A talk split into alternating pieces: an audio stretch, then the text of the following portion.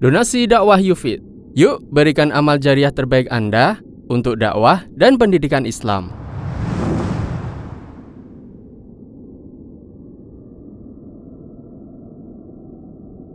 Bismillahirrahmanirrahim. Assalamualaikum warahmatullahi wabarakatuh. Alhamdulillah wa kafa wassalatu wassalamu ala rasulihil mustafa وعلى آله وصحبه ومن اكتفى أما بعد Kita panjatkan puja dan puji syukur kehadirat Allah Tabaraka wa Ta'ala Pada kesempatan yang berbahagia kali ini Pada hari Jumat Tanggal 2 Muharram 1439 Hijriah Yang bertepatan dengan tanggal 22 September 2017 kita masih kembali diberi kekuatan, kesehatan, hidayah serta taufik dari Allah Jalla wa Ala. Sehingga kita bisa kembali menghadiri pengajian rutin untuk membahas adab dan akhlak di dalam Islam.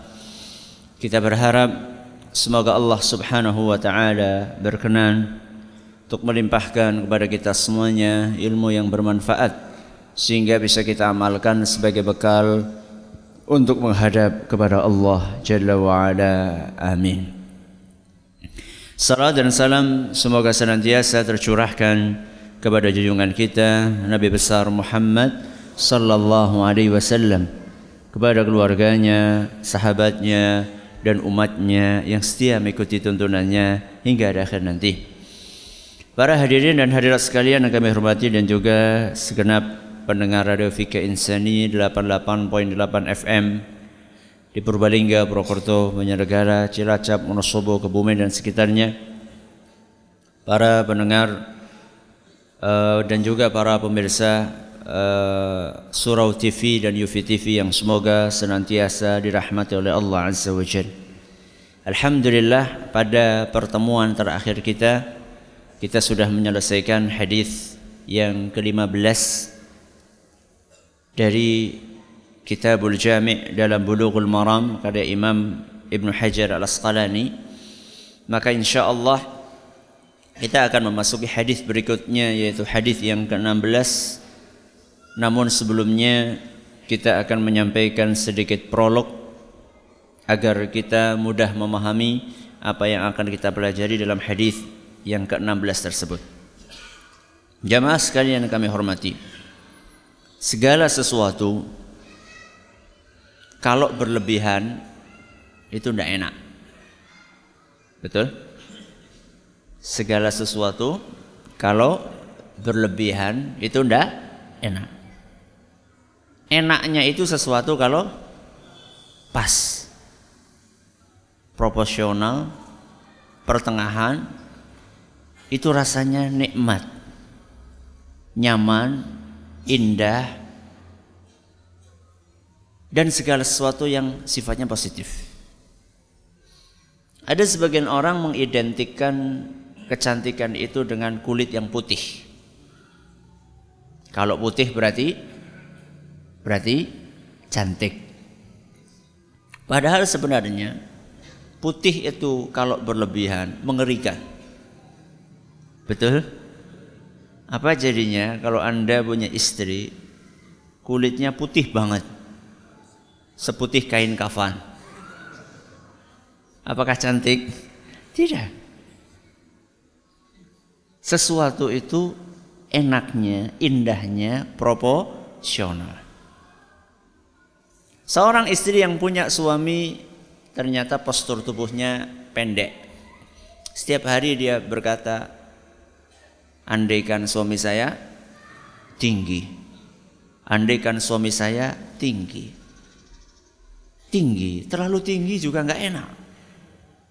Gimana kalau suami Anda tingginya sepohon kelapa?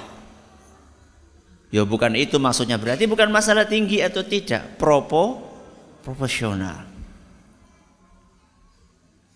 Dalam makanan makanan atau masakan yang tidak dimasuki garam atau tidak dibumbui garam maka akan terasa hambar. Tapi sebaliknya ketika seplastik garam itu Masukkan. Apa enak? Tidak enak.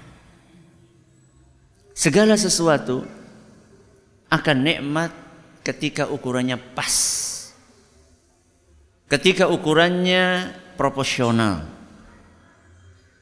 Ketika berada di pertengahan. Bahkan di dalam beragama, di dalam berperilaku, di dalam bersikap, kita sebagai umat Islam itu diajarkan untuk punya sikap pertengahan. Sikap apa? Pertengahan.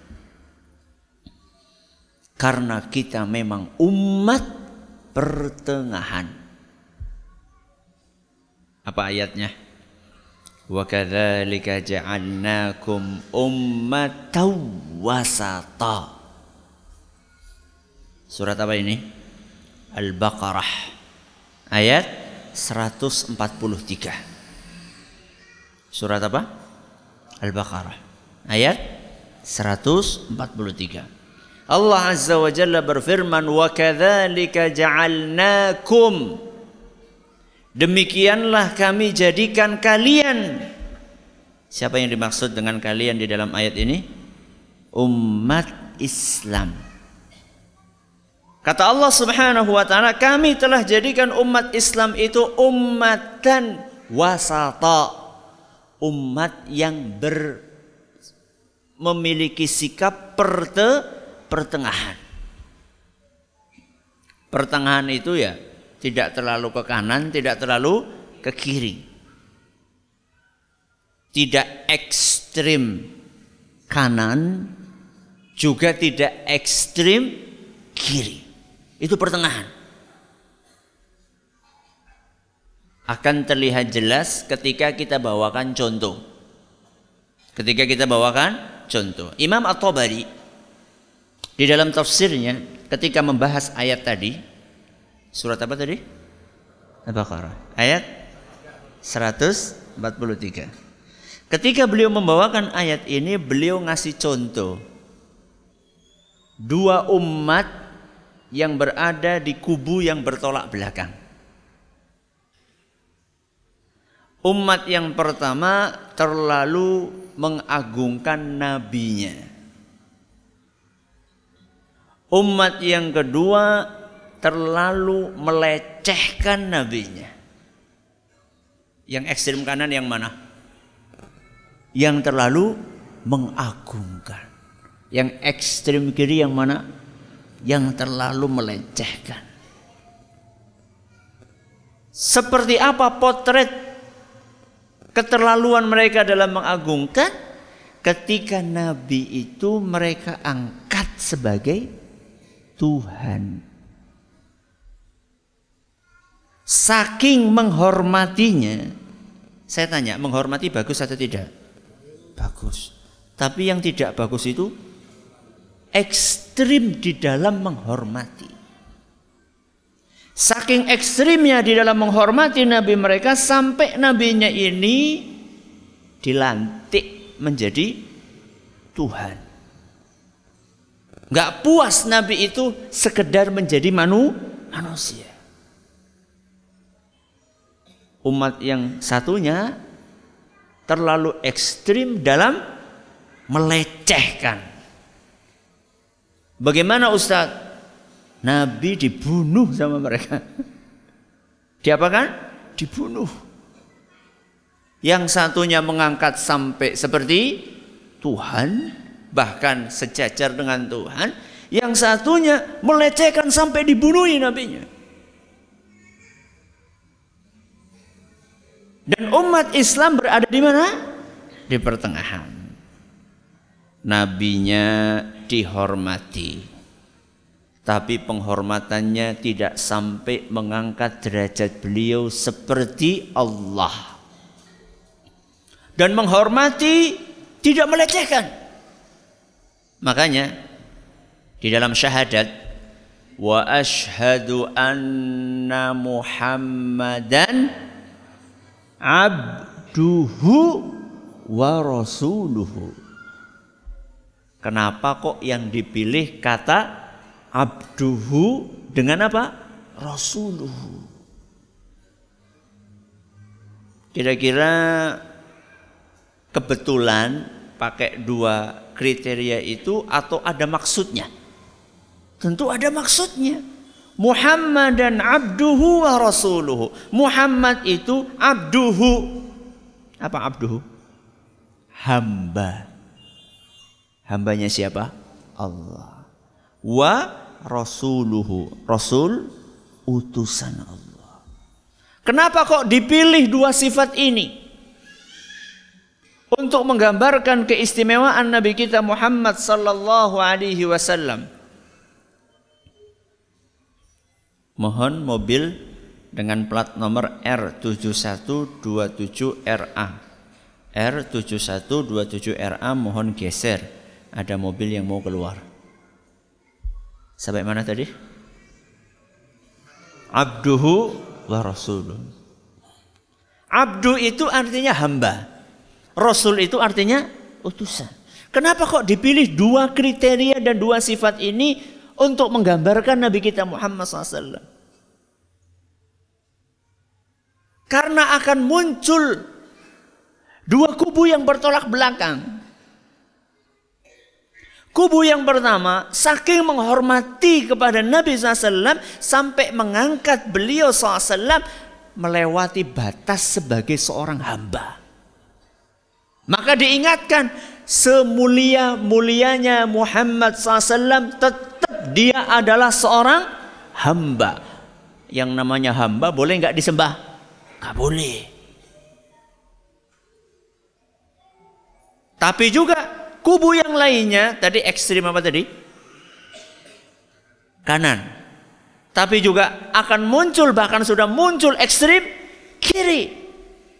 Yang tidak menghormati sama sekali Nabi kita Muhammad SAW. Katanya Muhammad kan manusia biasa. Makan ya makan, minum ya minum, tidur ya, tidur, ngantuk ya, ngantuk. Sama kayak kita. Iya.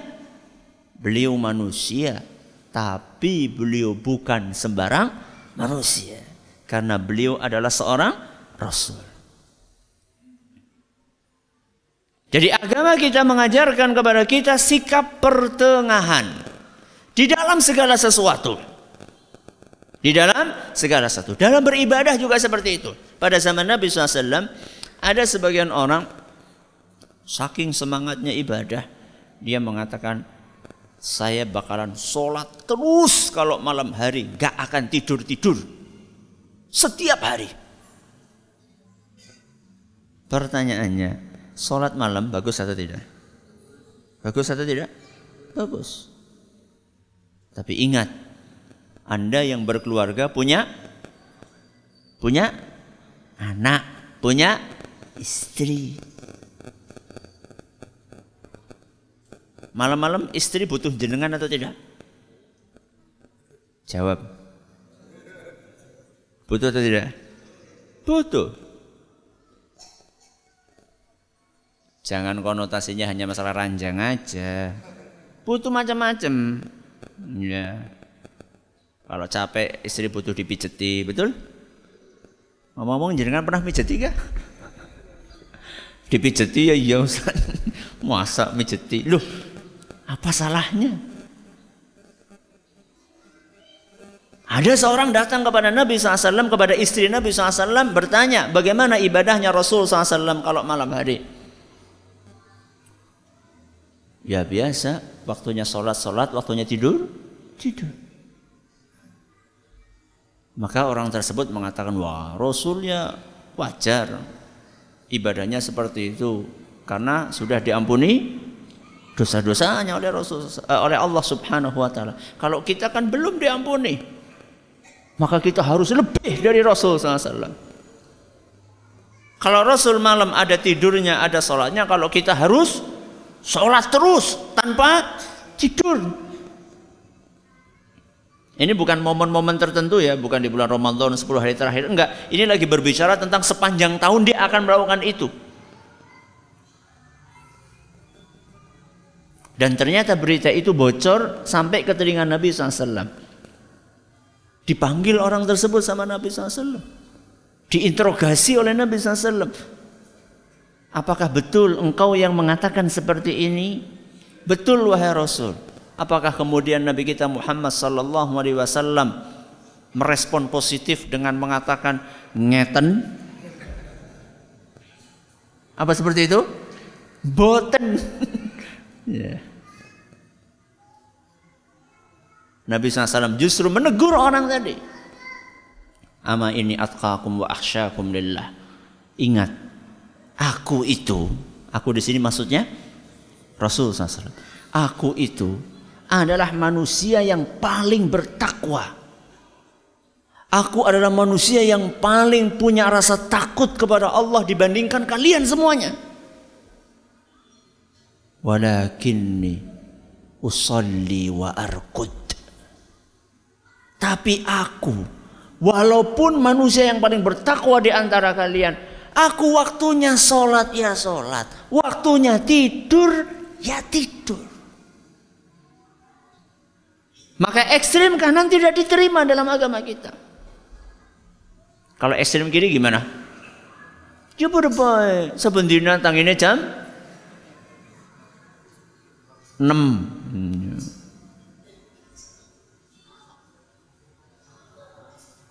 itu ekstrim sholat tahajud terus. Udah terus jenengan aku ya orang sholat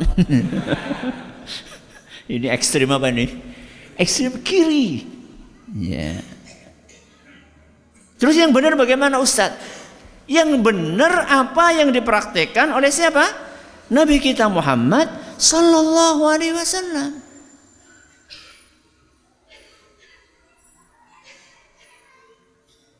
Yaitu setelah Isya kalau tidak ada kerjaan segera tidur. Tidur di awal waktu. Tidur di awal waktu itu jam berapa maksudnya? Tidur di awal waktu itu bukan bar maghrib langsung turu, bukan. Selesai sholat isya tidur. Kalau memang tidak ada pekerjaan mendesak. Kalau mau bercengkerama dengan keluarga bagus, tidak apa-apa, tapi jangan terlalu malam. Setelah dapat istirahat, baru apa? Sepertiga malam terakhir. Jadi ada waktu untuk keluarga, ada waktu untuk Allah Subhanahu wa taala, ada waktu untuk fisik kita. Bagaimanapun juga fisik kita ini butuh istirahat. Setelah satu siang kita bekerja. Itulah sikap pertengahan.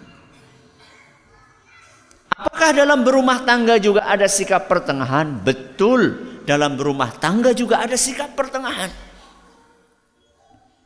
Ada seorang suami yang kalau masuk rumah itu seperti panglima. Ya. Serba cung, cung, cung. Ya. Pokoknya kalau sudah masuk rumah itu suasana rumah menjadi serem.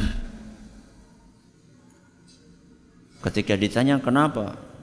Ar-rijalu qawwamuna 'alan nisa'. Laki-laki itu pemimpin buat wanita. Jadi pemimpin itu harus serem. Ini tipe ekstrim. Apa ini? ya yes, pokoknya tipe yang nggak baik. Nah, yang sebaliknya. Ada suami yang keberadaannya di rumah kayak nggak ada. Orang Arab mengatakan wujuduhu ka'adamihi. Ana orang nana pada baik. Bahkan yang dominan istrinya. Sampai istrinya berani mengatakan kepada suaminya macam-macam terpegat. Loh kepriwe sih? Masa sih ngemegat sama istrinya yang mau menceraikan suami gimana ini? Melihat anaknya, istrinya berbuat maksiat, berbuat dosa, diam seribu kata, tidak pernah ditegur. Dengan alasan itu kan ham. Apa ham? Hak asasi manusia. Ya.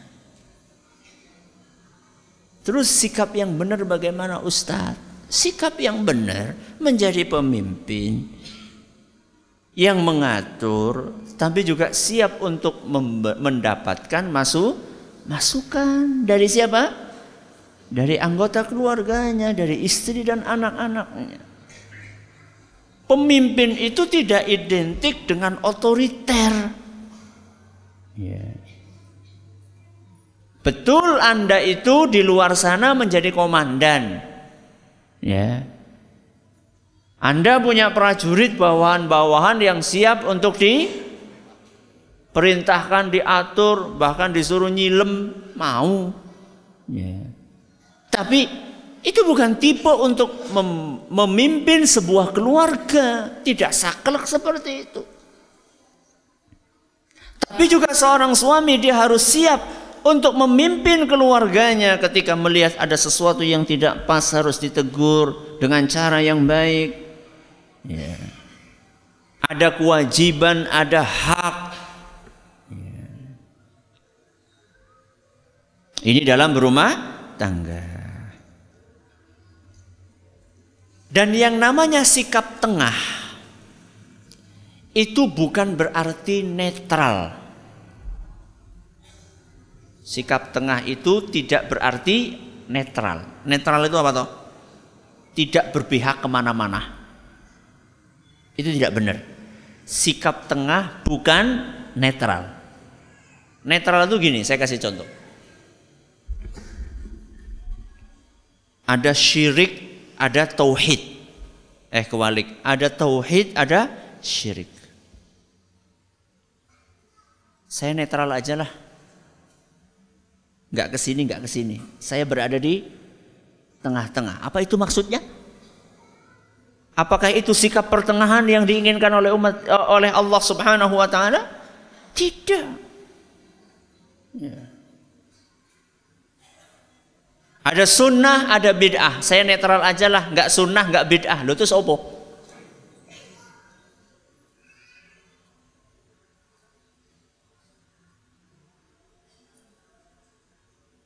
Ada komunis. Ya. Tidak percaya Tuhan.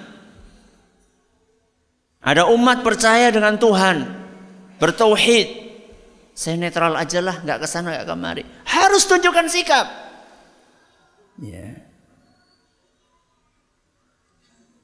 Jadi sikap tengah itu bukan pelin pelan nggak ke sana nggak kemari bukan. Sikap tengah adalah sesuai dengan apa yang dicontohkan oleh Nabi kita Muhammad sallallahu alaihi wasallam. Maka ekstrim kanan, ekstrim kiri tidak bisa diterima di dalam agama kita. Tidak percaya Tuhan di negeri kita nggak cocok. Karena umat atau bangsa ini mendapatkan kemerdekaannya dengan rahmat Allah. Sehingga tidak heran seandainya sila yang pertama adalah ketuhanan yang Maha Esa.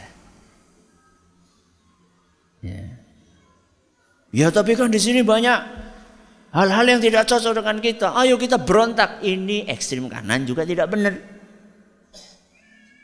Ya. Maka sikap pertengahan diperlukan di dalam segala kondisi. dan sikap berlebihan di dalam agama kita diperangi.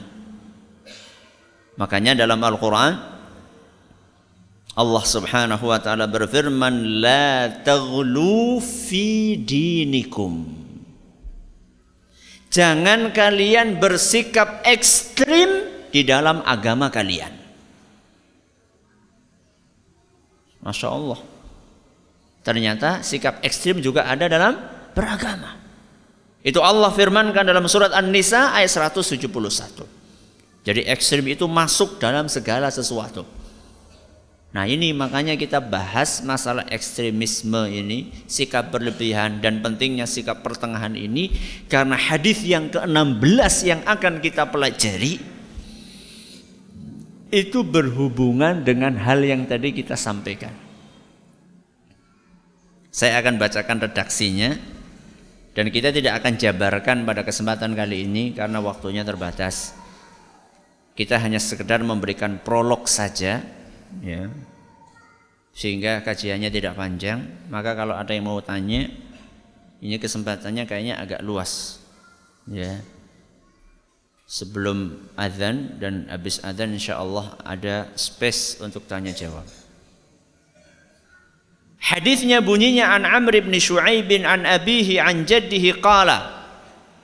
Dari Amr bin Shu'aib dari ayahnya dari kakeknya Beliau berkata, "Qala Rasulullah SAW, beliau SAW bersabda, "Kul." Apa artinya kul? Apa? Kul. Pakai kaf, bukan pakai ul. Kul. Apa artinya? Makanlah. Yeah bukan qul. Kalau qul pakai huruf qaf. Ini pakai huruf kaf. Kul makanlah, washrab minumlah, walbas berbusanalah, watasaddaq dan bersedekahlah. Berapa? Empat. Yang pertama, makanlah. Terus minumlah. Terus berbusanalah. Terus bersedekahlah fi ghairi sarafin wala makhilatin tapi jangan berlebih-lebihan dan jangan sombong Empat ini boleh silahkan kalian kerjakan. Makan apa saja silahkan. Yang penting tidak berlebihan, tidak sombong. Tentunya halal ya. Tentunya apa? Halal. Berarti makan daging kambing boleh atau tidak? Boleh. Ustadz kolesterol tinggi Ustadz. Nah yang jadi masalah itu bukan bukan daging kambingnya. Yang jadi masalah berlebihannya. Masa sebenarnya wedus baik. Berlebihan namanya. Ya. Minum silakan. Enggak boleh minum teh, enggak boleh minum kopi. Enggak boleh kalau berlebihan. Pakai busana, enggak boleh yang bagus-bagus, boleh. Innallaha jamilun yuhibbul jamal. Allah Subhanahu wa taala Maha indah dan mencintai keindahan. Tapi jangan berlebihan. Masa saben dina tuku klambi anyar. Itu namanya ber berlebihan.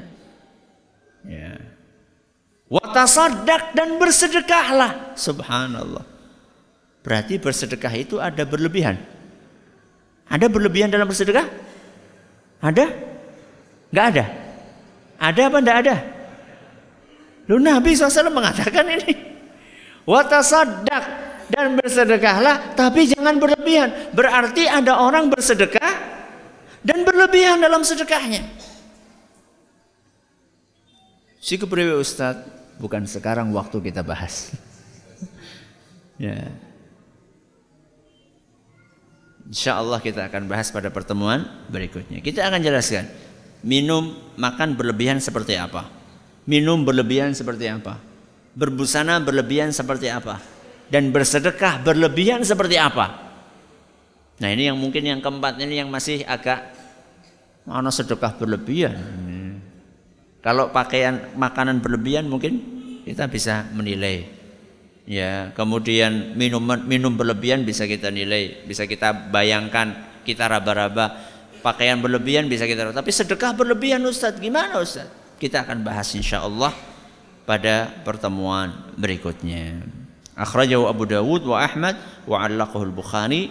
Hadis ini diriwayatkan oleh Imam Abu Dawud, maksudnya Imam Abu Dawud At-Tayalisi. kemudian Imam Ahmad dan juga Imam Bukhari cuman dengan cara muallaq.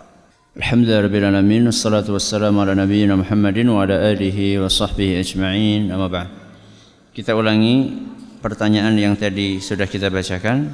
Ustaz apa hukumnya bagi takmir masjid yang hobinya menahan-nahan uang infak dari jamaah bahkan hingga berbulan-bulan infak tersebut tidak digunakan untuk keperluan masjid apakah takmir tersebut berdosa tergantung apakah masjid itu memang saat itu tidak ada keperluan atau keperluan untuk masih sudah terpenuhi dari sebagian infaknya atau belum. Kalau seandainya kebutuhan masjid itu sudah terpenuhi sehingga kemudian ditabung dengan maksud untuk keperluan mendadak tidak masalah. Yang penting dia harus amanah. Yang penting dia harus amanah. Dan tidak boleh menggunakannya untuk kepentingan pribadi. Tidak boleh menggunakannya untuk kepentingan pribadi. Tapi kalau misalnya masjid itu membutuhkan dan ini yang sering terjadi. Masjidnya tidak terawat. Banyak lampu yang mati.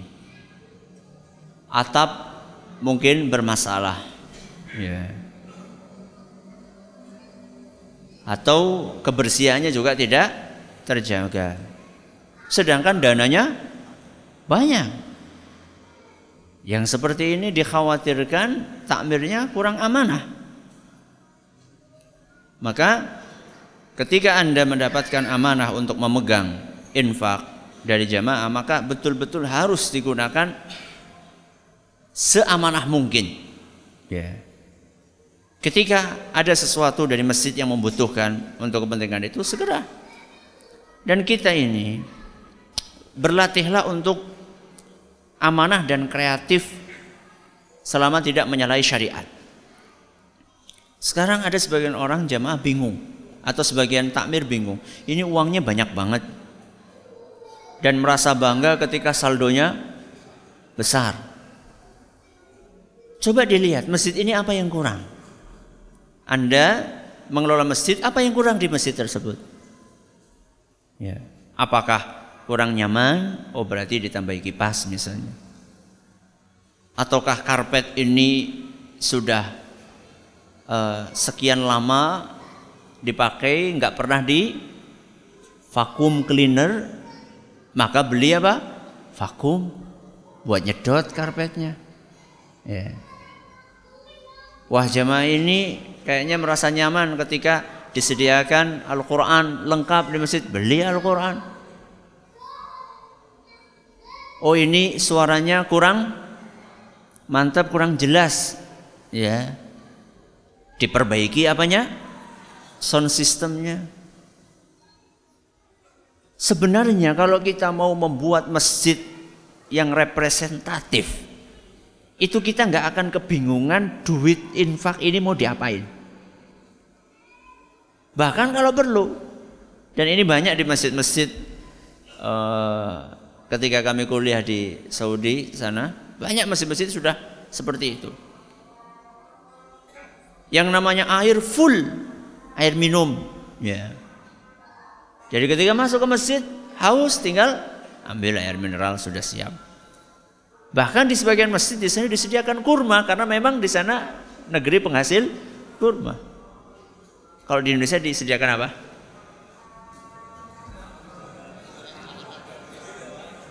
Mendoan. Ya ya minimal air lah. Minimal orang itu masuk masjid dia itu nggak kehausan gitu intinya sebenarnya kalau takmir itu kreatif uang itu sebenarnya akan terus bisa dimanfaatkan sehingga tidak ada lagi bangga-banggaan saldo ya. Kecuali kalau memang semua tadi sudah terpenuhi. Sudah nyaman, karpetnya sudah bersih, kamar mandinya sudah bersih. Masalah kebersihan juga Masya Allah. Masya Allah di sebagian masjid.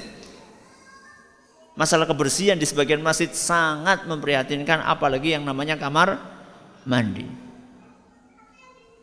Tapi alhamdulillah sekarang banyak masjid yang masya Allah, masjid Jensut contohnya masya Allah, ya bersih, enak, nyaman. Sehingga orang itu ketika beribadah di masjid itu dia merasa nyaman, enak, tenang. Mencari kamar mandi cukup pakai indera penglihatan, nggak perlu pakai indera penciuman. Di sebagian masjid mencari di, mencari kamar mandi perlu pakai indera penciuman. Mana yang paling pesing? Ya. Jangan seperti itu. Kloset putih bisa berubah menjadi kuning, hijau, bahkan hitam. Saking lamanya nggak pernah dibersihkan, masya Allah. Kalau saya, kami di mana di musola atau di masjid biasa yang membersihkan jamaah, yang membersihkan jamaah minimal seminggu dua kali Senin Kemis. Senin Kemis. Jamaah kan lumayan ada berapa? 50 gitu. Cukup itu ada yang ngoseki apa? Kamar mandi, ada yang ngepel, ada yang bersihkan sawang. Sehingga masuk ke masjid nyaman. Ya. Saat ini jamaahnya orang-orang zihef. Ya. Jadi kalau suruh kosek-kosek nggak mau. Udah, bayar orang. Duit ada kok. Ya, bayar orang dan diawasi. Ya. Maka intinya berusaha untuk amanah dalam memegang uh, uang infak dari jamaah. Ustaz, bagaimana caranya menyikapi orang tua yang mengatakan kalau orang tua meninggal jangan datang ke rumah kalau memakai baju yang hitam-hitam? biar orang yang sekitar saja yang ngurusi jenazahnya karena alhamdulillah saya sekarang sedang belajar untuk menutup aurat sesuai dengan syariat tapi ditentang sama orang tua gampang nggak usah pakai baju hitam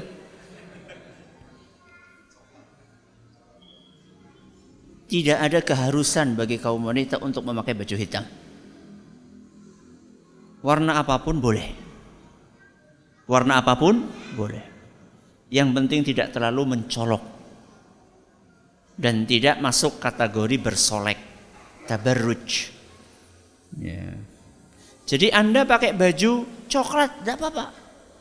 Pakai baju abu-abu tidak apa-apa. Ya. pakai baju hijau tidak apa-apa ya. dan para sahabiat sahabiat itu artinya uh, kaum muslimat di zaman Nabi SAW itu mereka tidak melulu pakai baju berwarna hitam tidak melulu ber, memakai baju berwarna hitam. Saya bawakan beberapa riwayat di dalam buku kami 14 contoh praktek hikmah dalam berdakwah.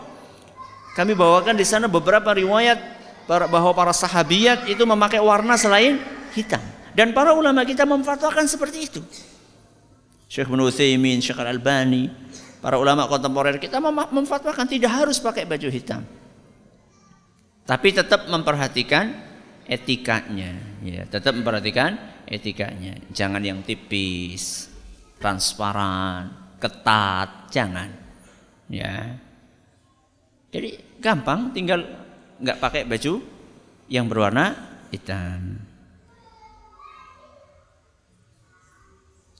Ustadz kalau kita memberikan sebagian dari gaji kita kepada orang tua apakah itu termasuk berinfak atau infak harus kepada fakir miskin. Itu kewajiban. Itu kewajiban. Jadi kalau sedekah itu kan sunnah. Kalau Anda kepada orang tua itulah sebuah kewajiban. Ya, apalagi ketika orang tua membu membutuhkan. Ya. Maka lanjutkan, berikan kepada orang orang tua. Dan lebih dikedepankan, lebih diprioritaskan memberikan kepada orang tua daripada kepada orang lain yang tidak punya hubungan kerabat. Ya. Termasuk juga kepada saudara-saudara kita. Rasulullah SAW menjelaskan bahwa memberikan bantuan kepada orang lain yang masih keluarga itu dapat pahala double. Kata beliau sodakotun wasilah. Pahala sedekah dan pahala silatu rahim. Jadi pahalanya ganda.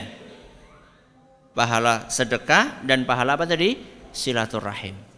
Maka lanjutkan, bahkan kalau orang tua sangat membutuhkan maka nggak usah hitung-hitungan. Diceritakan seorang sahabat Nabi SAW, saya lupa namanya, uh, apa pun yang diminta oleh ibunya, dia akan penuhi. Selama dia punya uang untuk membeli. Suatu saat ibunya itu minta minta isinya batang kurma, batang kurma isinya. Kalau bambu eh bambu itu bukan bambu. Batang pisang dalamnya apa namanya? Ares. Nah, itu kan enak di dimasak. Nah, suatu saat, suatu saat ibu dari sahabat tersebut ingin isinya batang kurma. Karena enak. Ya. Apa? Pondoh. Kalau pohon kelapa, pondoh. Ya, ya kira-kira itulah. Ya, pondoh. Ya, isinya pus tengahnya batang uh, kurma. Akan tetapi saat itu, saat itu pohon kurma lagi mahal-mahalnya.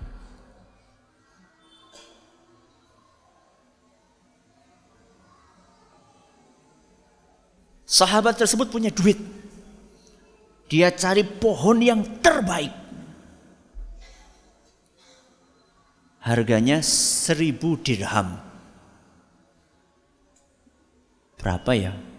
Ya mungkin mungkin ya, mungkin kira-kira 70 juta gitu. Berapa? 70 juta. Orang-orang pada terheran-heran, "Wah, mahal banget beli pohon kurma." Lebih terheran-heran lagi ketika pohon kurma itu setelah beli ditebang sama dia. Cuma mau diambil apa tadi? Pon pondohnya. Orang-orang, ente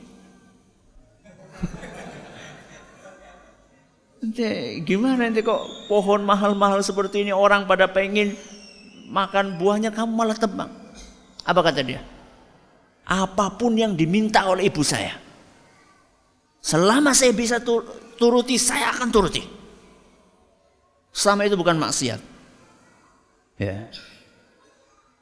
Maka ini tanamkan dalam diri kita. Itu kesempatan emas. Mumpung orang tua kita masih ada. Apalagi cuma sekedar, nak tolong belikan soto. Alah. Berangkat sudah. Soto di soto. Gak boleh sebut nama. Le, saya pengen soto anu. Berangkat. Apalagi cuma soto. Lima sewu, rong puluh ibu. Ya. ya Ustadz, tapi sama dokter nggak boleh. ya sedikit baik parawan karo jenengan.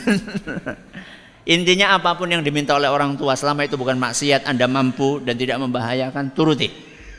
Itu adalah bagian dari birrul walidain. Ini yang dapat kami sampaikan. Terima kasih atas perhatiannya. Jangan lupa pekan depan jam setengah lima insya Allah Wallahu taala ala wa alam. Mohon maaf atas segala kurangannya. Kita tutup dengan membaca subhanakallahumma bihamdika asyhadu an la ilaha illa anta astaghfiruka wa atubu Assalamualaikum warahmatullahi wabarakatuh. Donasi dakwah Yufid. Yuk berikan amal jariah terbaik Anda untuk dakwah dan pendidikan Islam.